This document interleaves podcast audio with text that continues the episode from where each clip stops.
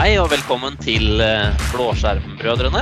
I dag har jeg med meg eh, Eller jeg er Marius, og i dag har jeg med meg eh, Olav. Og vi, har, vi har fått med oss Kristoffer Frenning fra, fra Microsoft. Kan ikke du Hei. si hei og si hva du driver med?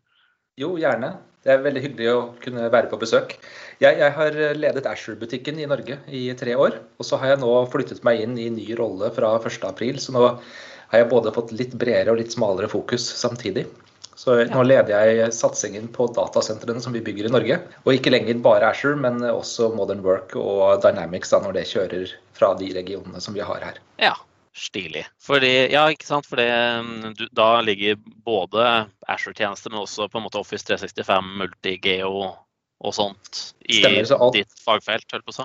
Nettopp så alle, alle tjenester som da eh, ja, skal vi si, installeres i det norske datasenteret og gjøres tilgjengelig her, er, er en del av det. da. Så jeg bruker mye tid med interne team hos oss for å sørge for at vi, vi forstår hva kundene deres trenger, sammen med partnere og også kunder ute i markedet for å forstå hva, hva vi skal gjøre for noe framover. For å, å sørge for at vi, eh, vi har riktige tjenestespekter på plass riktig type kapasitet i forhold til hvordan det vokser osv. Så videre, sånn at vi, vi bygger riktig i forhold til hva markedet vil ha. Ja, Det er jo et ganske snevert felt du har, da, vil jeg si. ja, det, det, det er eh, snevert og stort. Eh, det rammer jo veldig mange kunder etter hvert. Vi har hatt en, en veldig hyggelig vekst siden vi åpnet for eh, et drøyt år siden. Eh, og mer skal det bli. Så det er Ja, har, veldig, du noen, veldig har du noen interessante tall sånn på liksom adopsjon i Norge? Um, Det jeg kan dele, er jo da prosenter, og de blir jo litt sånn rare. fordi vi startet jo når vi åpnet i november med null.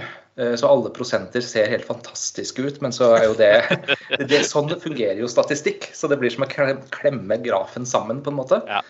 Um, Men, men vi har hatt eh, mange kunder som var med oss på en reise fram til vi lanserte.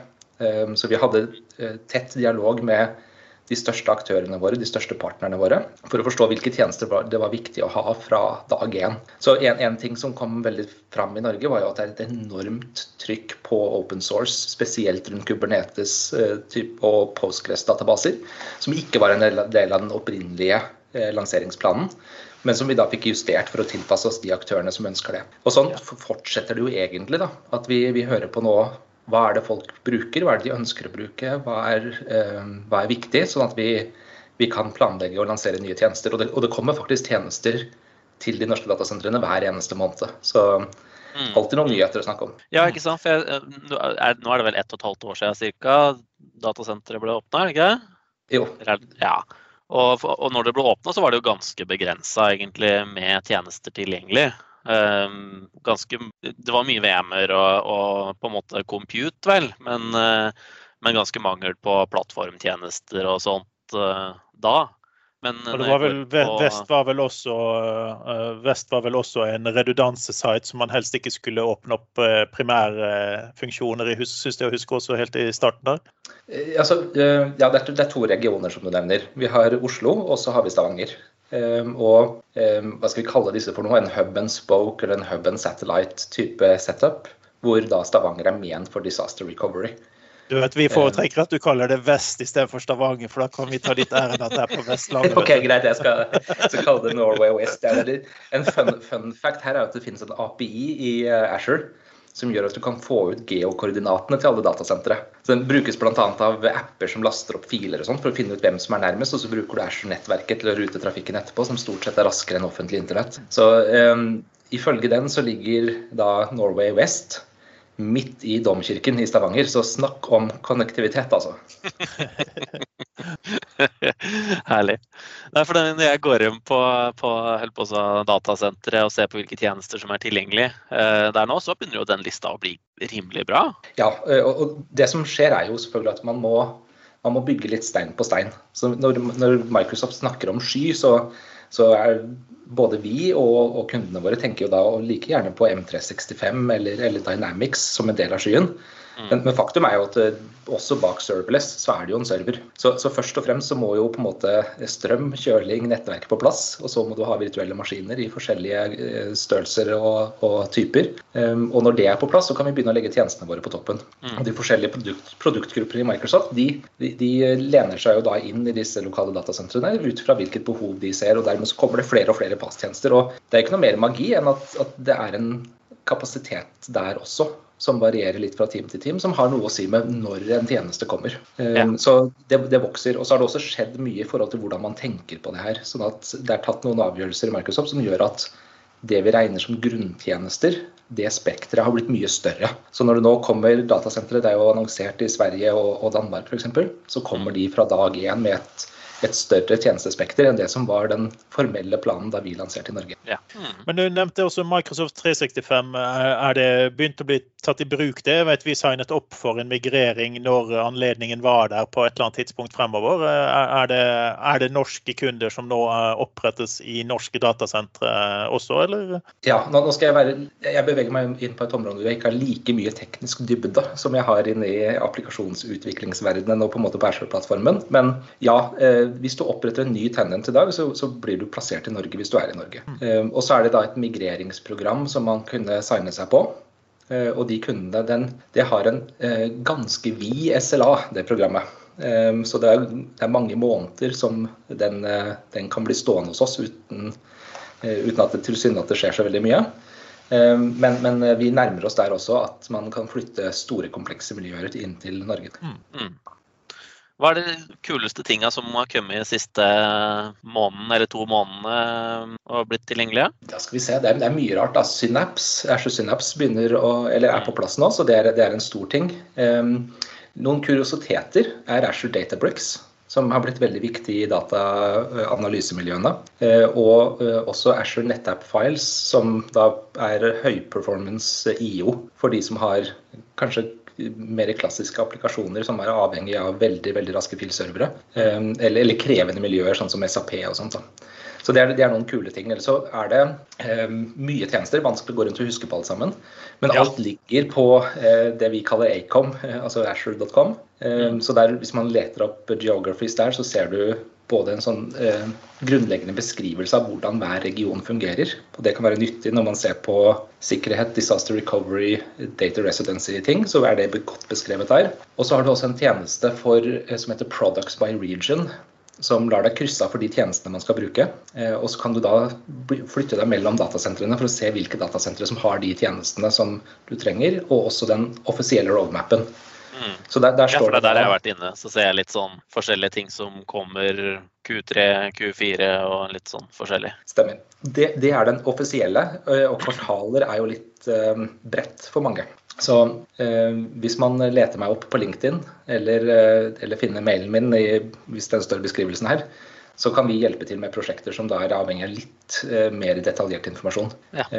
Så, så, hvis man har noe som man skal gå live med de neste månedene, så ta gjerne kontakt for å være sikker på liksom, mer nøyaktig timing, da, der hvor vi kan dele det. Ja, riktig. Ja.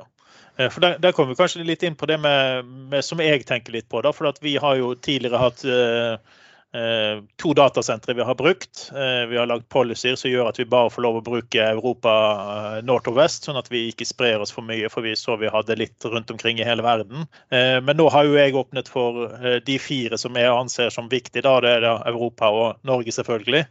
Eh, men, men, hvordan vil det være over tid å tenke migrere alt til Norge? Vil det, være, vil det komme noen løp som gjør det enklere for de som har tunge miljøer allerede nå, å få det til Norge? Eller tenker man at en sameksistens er like greit? Jeg, jeg tenker det her må, må hver kunde vurdere i sitt sitt tilfelle. Noen har ønsker om å flytte seg til Norge. Det, det kan være latency-ting. Eh, sånn at man rett og slett ønsker at eh, man skal ha så lite latency som, som mulig inn til der tjenestene kjører. Eller det kan være at, at, det at dataene da befinner seg innenfor kongeriket Norge, åpner for muligheter som man kanskje ikke hadde før. Så det kan være en grunn til å, å flytte. Um, i, i, bunn og grunn så er det jo en På SAS-produktene så er man jo avhengig av at vi har tjenestene for å migrere. Der, der er det um, åpninger da både for M365 og også for Dynamics-produkter når de blir tilgjengelige i Norge. Uh, på Asher så er det mer en klassisk infrastrukturmigrering med de verktøyene man er vant med fra det. Um, og så investeres det i tillegg fra Microsoft i R&D, som hvis vi kikker liksom i krystallkulen i forhold til produkter som skal gjøre det enda enklere å flytte seg mellom regioner. Men det er jo allikevel en migrering, sånn at, uh, at kunder må vurdere på en måte kost-nytte i forhold til det. da.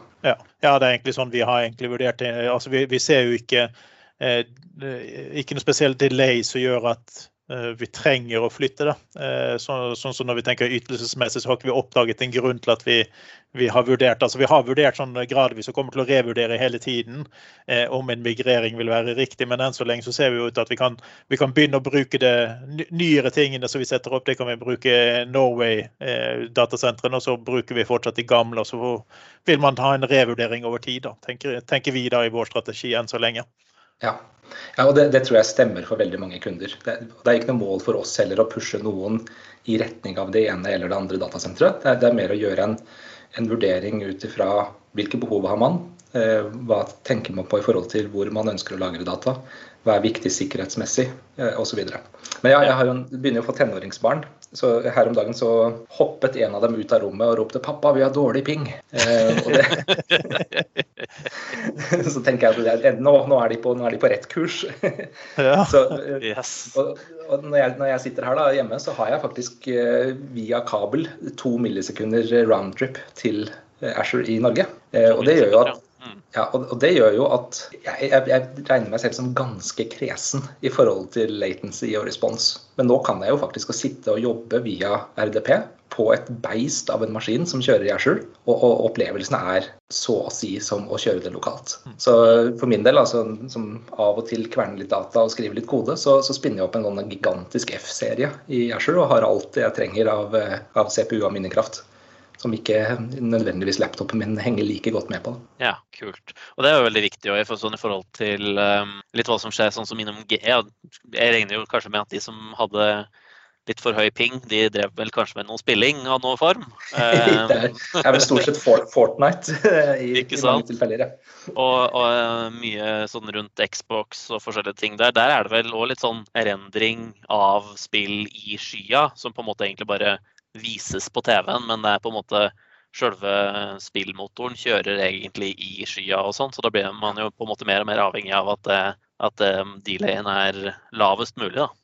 Ja, og det, det merker man jo hvis du hvis, Det er ikke alle som har fulgt med på det her, da, men, men uh, når vi var i ferd med å lansere, så lagde jeg meg en statistikk på, på responstid fra Bing f.eks. Og da, da skjønner man jo at Bing nå kjører i Norge. Eh, når vi ja. ser på responstidene. Og, og, sånne ting betyr jo bitte litt. Eh, mm. Jeg husker jeg leste et eksperiment som Google gjorde for mange år siden. Hvor de tok eh, De la inn en Nå skal jeg være litt forsiktig med tallene her. Det, det her går jo an å google og finne ut. Men, men de la inn en liten delay da på søkemotorsiden. Så jeg, jeg tror vi, vi på en måte snakket om mindre enn et sekund. Og så deployet de det til da en liten del av demografien sin. Og bruken av søkemotoren falt med 70% i den brukergruppen. Og ja. det, tok, det, tok, mange måneder før de hadde kommet seg tilbake til normalen igjen etter at de tok bort den kunstige delayen. Så det å ha tjenester et sted hvor responstid blir bra, det er jo viktig.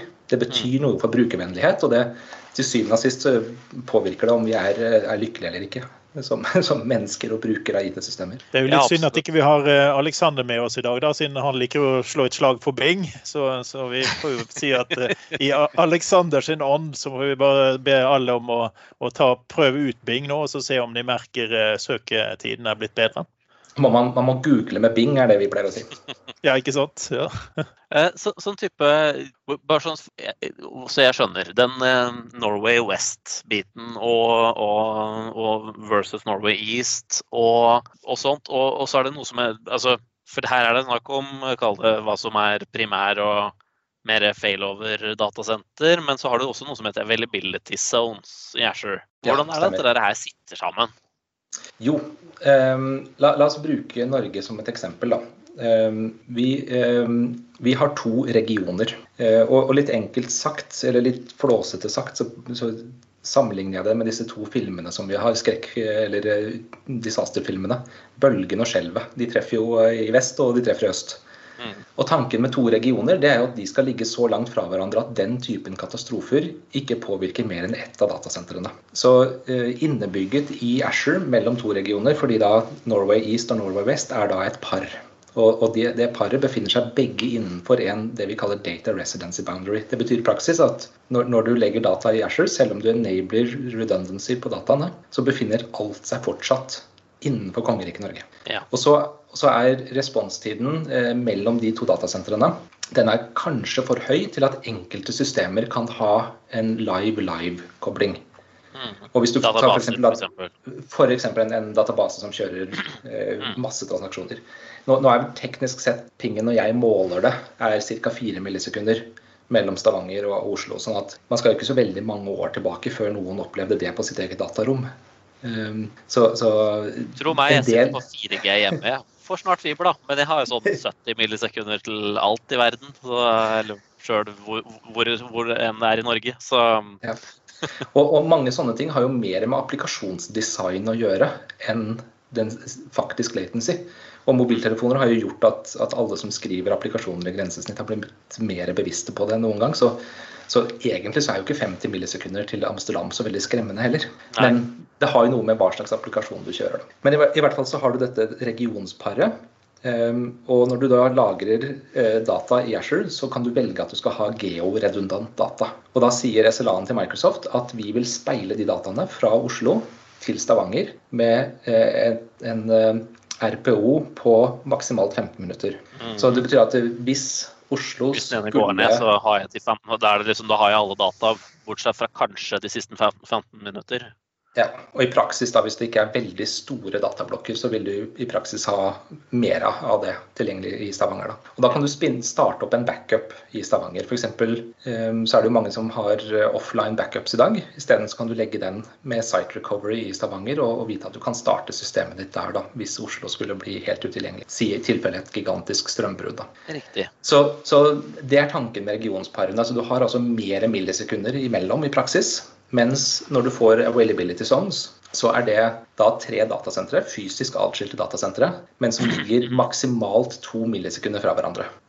Ja. Så dermed så kan du eh, sette opp en del applikasjoner som krever live, live, live-kobling mellom de tre, eh, og holde dem eh, replikert uten at du på en måte har en, en eh, faktisk RPO. Da. Så hver, en transaksjon for eksempel, kan kommenteres til alle tre databasene før du returnerer til brukeren. Mm. Ligger de type, type da på samme, egentlig samme fysiske lokasjon, men forskjellig bygning? Eller er det faktisk liksom noen kilometer, eller en, kil, en kilometer unna, f.eks.? Eller hvordan er det det her? Vi, vi har jo ikke availability zones i, i Norge ennå. Nei, det er jeg klar over. Eh, Men, men i de, de landene hvor du har det, så skal de da ligge utenfor blast radius. Ja. Så det skal, du skal kunne em, ha et ganske stort uhell, og så skal du fortsatt, eh, fortsatt kunne operere to av tre noder. Så Ja. de ligger jo stort sett da på hver sin side av en by, f.eks. Ja, for det var den, nå husker jeg ikke navnet på den hosteren, da, som, eh, eller skyprovideren, um, som hadde brann her eh, et par måneder siden. Der var, jo, der var det jo på en måte brann som begynte å kunne påvirke andre bygninger på samme campus og litt sånn moro. Det er sikkert en spennende operasjon. Ja, vi, vi har, vi har møtt, noen kunder som eh, raskt ble Ashore-kunder i forbindelse med det. Ja. Eh, så, og det, det, viser jo at man er sårbar, da. Eh, så når man flytter seg til skyen, eller altså, enten du regner skyen nå som public cloud i form av oss eller de to andre store konkurrentene våre, eller, eller du eh, kjøper fra en mindre leverandør, så er, må man jo ta hensyn til at den typen ulykker kan skje. Og, og der er det jo en delt ansvarsmodell. Vi har et visst ansvar. Vi, vi gjør alt vi kan for å holde dem gående. Og vi, vi har jo en SLA som som, som gir tre niere på en enkelt VM, og, og flere hvis du måte begynner å bruke de avanserte konfigurasjonene våre. Mm. Men du har jo fortsatt det tilfellet at vi ikke klarer å, opp, opp, altså klarer å levere på denne SLA-en. Det kan skje. Og da, da kommer kundens ansvar igjen. Hvordan, hvordan har du bygget for å ha en, en synkronisering og eventuelt en live connection til et annet sted? mm, Hvordan håndterer du backup osv. Og, og da vil jo for de fleste nå, hvis du bruker to regioner eh, i, i Azure, så vil du jo stort sett få en bedre løsning enn du har hatt i en klassisk eh, datainfrastruktur som du har eid selv. Eh, og, og, du kan også finne billigere muligheter, da, for du trenger ikke nødvendigvis å ha live-live-kobling, men f.eks. bruke site recovery, som er en, en, på en måte en herlig blanding av både backup og muligheten til å starte opp igjen. da, altså får du nedetid. Brukerne får seg en god pause, men, men dør allikevel opp igjen på få timer. da.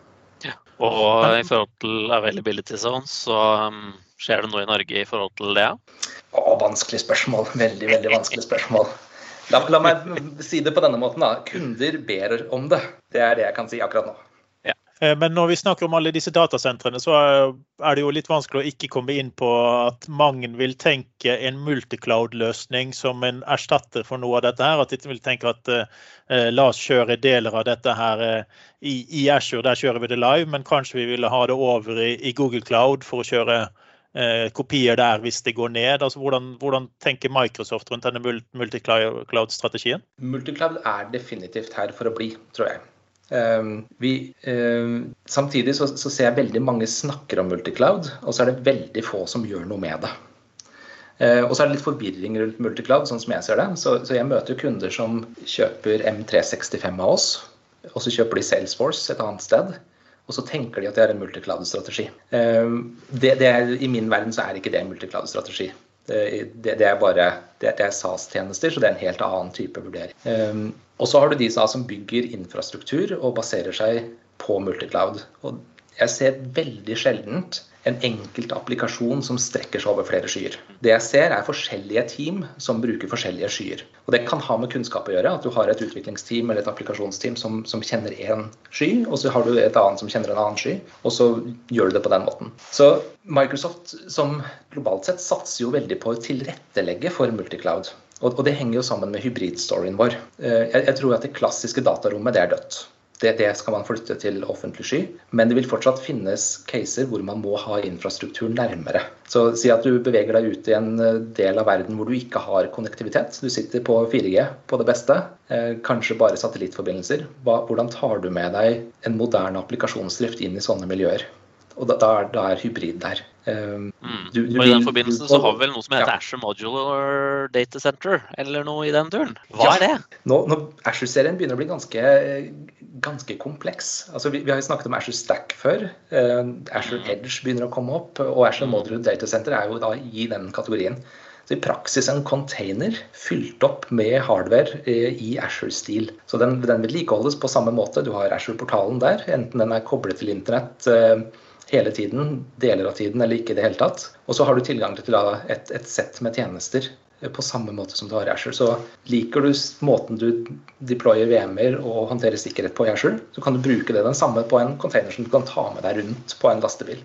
Ja, så det er på en, altså hvis, hvis, du sammenligner med Asher Stack, da, så er det egentlig du kjøper en ferdig container med Asher Stack på. På, altså sånn, på en måte. En gigantisk ja. maskin. Den er ikke bærbar, men er transportabel.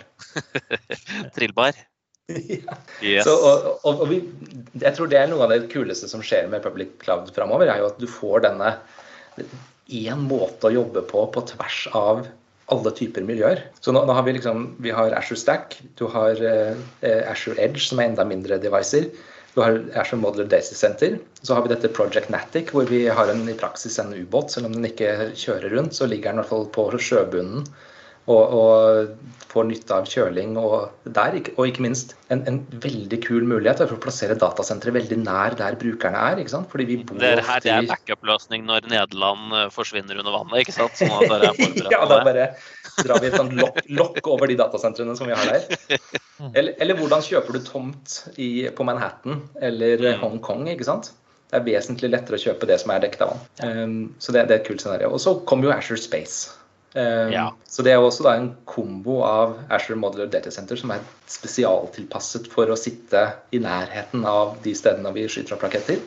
Og også infrastruktur da, for både satellittkommunikasjon og, og, det å faktisk kjøre Asher i rommet også, sånn at du kan ta det med deg ut. Jeg har alltid syntes at liksom, kjøpe meg et Asher Modular Data Center, ta det med til månen, bruke Asher Space til å men, men, bare sånn, Asher Space, hva kan jeg egentlig gjøre? Hva, eller, altså jeg, jeg har, ikke så veldig, jeg, jeg, har ikke veldig mange satellitter, men de to satellittene jeg har, da, hva kan jeg, hva kan jeg gjøre med Asher Space? For jeg har sett liksom, den, den hjelper deg med å skedulere overføring av data ut ifra en orbit og liksom alt mulig sånne type greier. Men jeg, jeg er jo ikke akkurat noen rakettforsker, så jeg kan ikke så mye om det.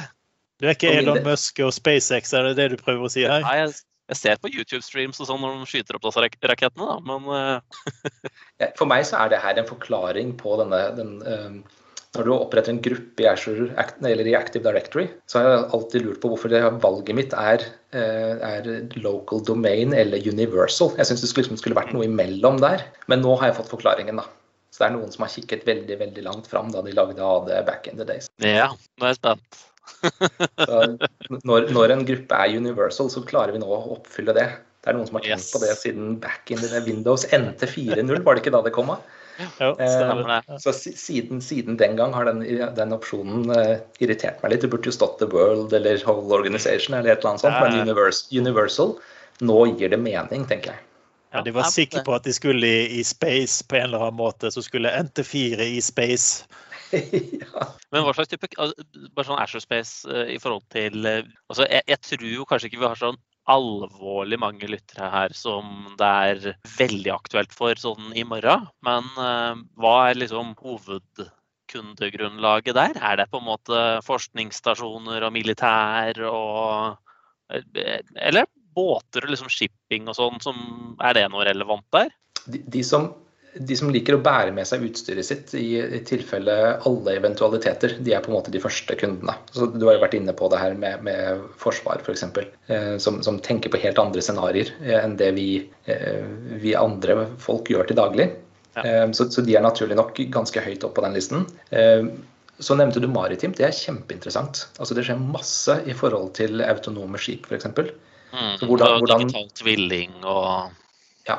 sånt. Og, og, og det er, en, det er, en, realitet at fiber får du bare på en bitte liten del av jordas overflate. 4G eh, strekker seg ikke spesielt langt ut eh, fra, fra norske byer. Ehm, så, så, der har vi mange tilfeller da, hvor satellitt er interessant. Og det er på en måte det første steget Azure Space. Det er jo da satellittkommunikasjon, sånn at du får tilgjengelighet over hele kloden. Mm. Og, og, tenker man uh, i forhold til bærekraft og, og videreutvikling, så er jo optimalisering av skipstrafikk et kjempespennende felt å gå inn på. Hva kan man gjøre med autonome skip? Hva kan man gjøre med optimalisert transport? Som, som, kan være med på å kutte fossile brennstoff, f.eks.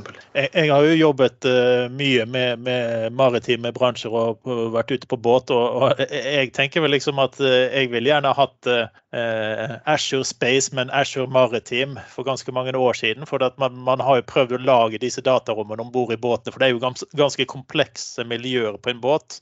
Altså vi, vi, vi hadde gjerne 10-14 servere. Vi satte opp to rekk med redundanser i alt mulig rart for å sørge for at tingene var, var trygge. Men uh, utfordringen var jo, som du kom litt inn på her, at det, det, å få informasjon frem og tilbake var en stor utfordring. Mm. Og de som, de som har satt opp AD-replikering noen gang, og bare tukla litt inn der, så der, der, ser du at uh, du kan også velge SMTP som protokoll for mm. Active Directory replikering og det er jo nettopp altså, det er jo ingen som bruker, bortsett fra use casen, da, som er faktisk når du har skip og på en måte AD-kontrollere som står på skip, men som er tilgjengelig bare sånn innimellom. Mm. Det er liksom, eh, SMTP er fattigmanns meldingstjeneste ja. på et vis. Ja. Det funker, da. Det funker. Ja. Ja, det, det fungerte delvis. Ikke rommet ditt, der skal du ikke bruke det til, til AD-replikeringa di. Jeg, jeg vil vel tørre å si at det fungerte etter at eh, var det i 2008 R2 hvor de gjorde AD-replikeringen eh, til delta-replikeringer. Hvor de ikke behøvde å ta hele kjønken av endringer som hadde sett sist. For jeg var i masse maritimt før den tid hvor, eh, hvor, eh, endringene måtte være komplett fullført før de ble committed eh, og mottatt på andre siden. Og da slet jeg veldig mye på disse maritime bransjene med at den databasen som skulle over, vokste og vokste og vokste. og tidsvinduet ble jo ikke større, selv om mengden data vokste. Så, så, men det, det, det, er en helt annen historie. Vi, vi blåskjermguttene vi, vi, går fort inn på gamle dager når vi snakker ny teknologi. vet du. Så. Men, men når man har liksom drevet i den bransjen her noen år, så har man jo luksusen av å liksom fortsatt synes at det er magi når det går bra. Mm. Fordi man har levd, si levd gjennom Jeg klarer ikke å skjønne hvordan, altså, hvordan Microsoft eller andre klarer for, for eksempel, bare kalle, bruke uttrykket 'bygge Asher'.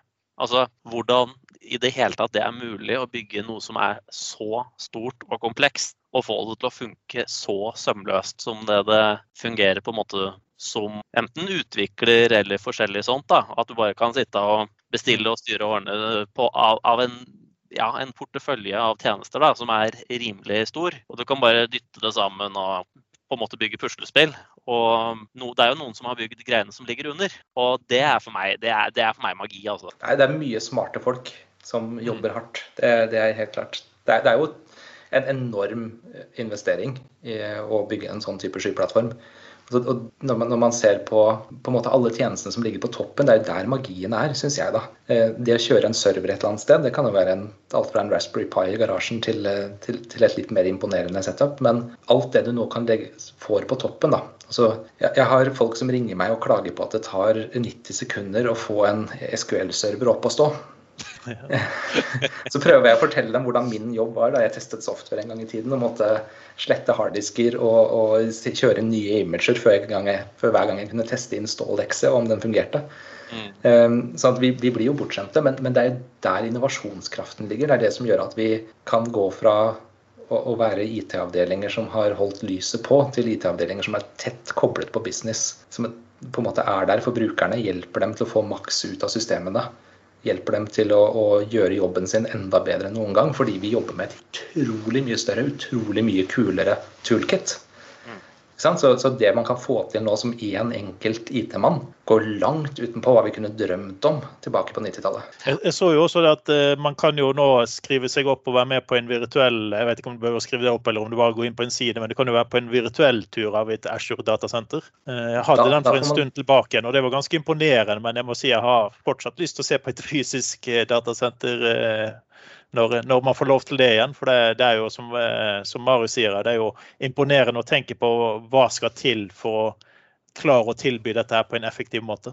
Men uh, den virtuelle turen var veldig bra. Du fikk jo et inntrykk av tingen, men får, jeg tror ikke du får du får ikke størrelsen, uh, du får ikke den massen vist deg på en måte som gjør at du får den helt store wow-følelsen. Det blir liksom jøss, dette var kult, istedenfor den wow jeg kan tenke meg hvis du ser det fysisk. Ja, vi, vi har jo ikke vi har ikke bygd de norske datasentrene sånn at vi kan ha besøk, for det, det gjør noe med sikkerheten. Eh, og, og, hvordan adgangskontroll skal være. Så det, det blir vesentlig eh, mer komplisert og, og, kostnadsdrivende. Men Amsterdam og Dublin de, de, tar jo imot besøk. Ikke akkurat nå, men, men eh, på et eller annet tidspunkt så åpner jo verden igjen. Og da er det ikke så verst å få lov å komme inn, kikke på det i, i det virkelige liv. Og så eh, er det jo hyggelige byer å, å på en måte gå ut i og, og, sitte og prate etterpå. Da. Og ofte så blir, blir teamene med ut også, så man, man, kan knytte litt kontakter på den måten. Men jeg kan på det sterkeste anbefale den virtuelle turen da, for de som Uh, har lyst til å se litt hvordan dette faktisk er. for Du får en del sånn sammenligningsgrunnlag når du ser på det. Så det er ganske kult. Ja, og så, nå er jeg litt usikker på hvor den er i løypa, men de har laget en, en uh, oppgradert opplevelse der som er basert på Unity. Så det er spillmotoren Unity som driver det.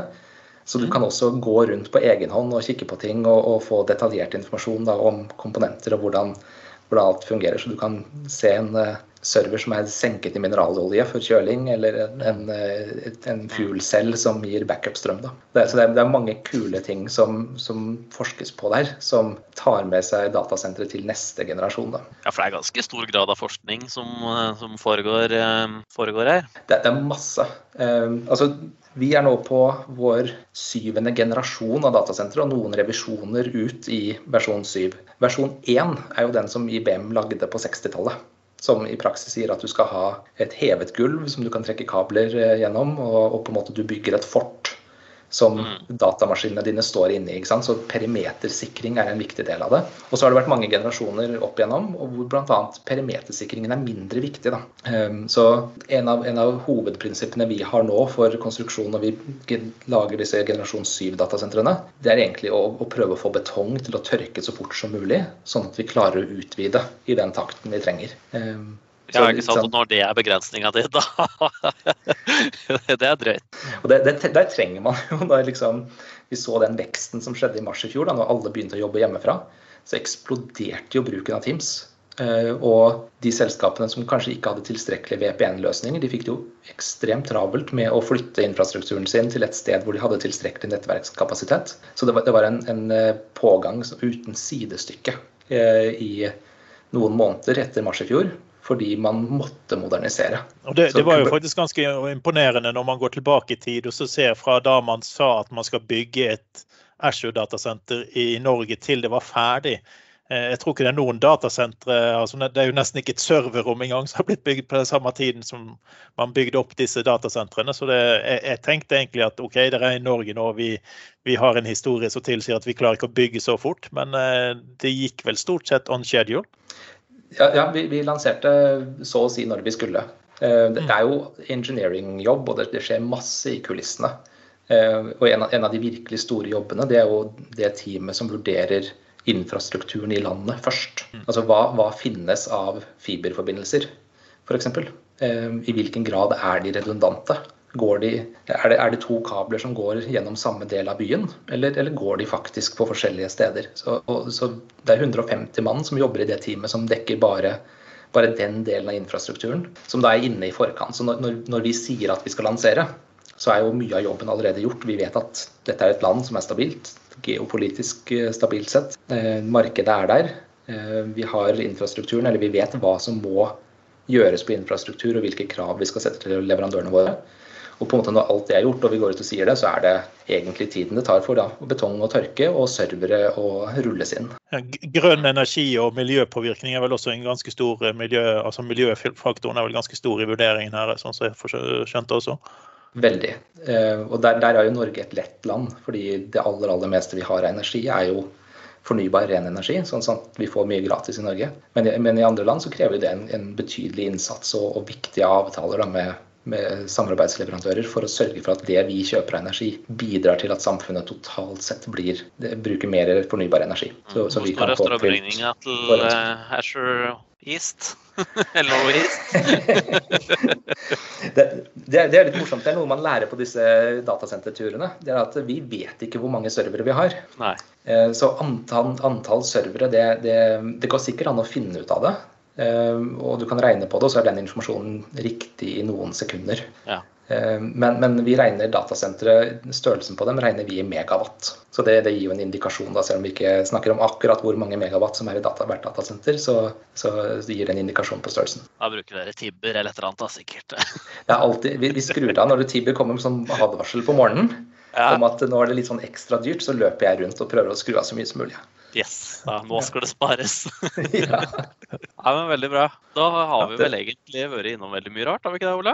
Ja, vi har det. Eh, vi, vi ville jo gjerne snakket litt mer om eh, litt, litt, mer optimalisering av skybruk og restrukturering og sånne ting, men jeg ser tiden flyger jo veldig fort.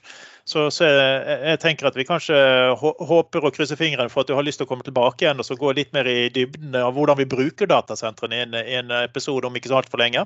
Det kan vi godt gjøre. Vi, vi kan jo snakke mer hybrid og eh, applikasjonsmodernisering, kanskje. Mm. Ja, det hadde vært veldig spennende å få en eh, oppfølging på dette. for altså, jeg må si Dette var en uh, utrolig spennende gjennomgang og uh, innsikt i mye, mye både hvordan hvordan vi har kommet fram med, med, med, nye ting i de norske sentrene, men ikke minst alt som er på vei. og, og verdensrommet, altså Star Wars nærmer seg, liksom. Altså, det, det, er veldig, veldig, spennende å se på alt det der. Men det, eh, det blir veldig gøy om vi kan ta en sånn uh, Dette her er uh, dette du faktisk bør tenke på. Så det, det tror jeg vi kan få en veldig spennende på. Det kan vi gjøre. Jeg, jeg, jeg er jo bare her, jeg er på hjemmekontor. Ja, så ja nei, men er, er da, da, må vi booke oss en uh, ny, ny, date og fortsette litt hvis du er enig, Marius. Eller ble du lei av eh, Kristoffer? Her kan vi prate timevis. Ja, det var det jeg tenkte også. Istedenfor å krampaktig få inn noe mer på de siste minuttene, så tenker jeg vi skal heller lage en spennende episode til. Ja, ja. ja kjempebra. Eh, da vil du vel bare si takk for, for den omgangen, og så på gjensyn. I like måte. Ha det bra. Ha det.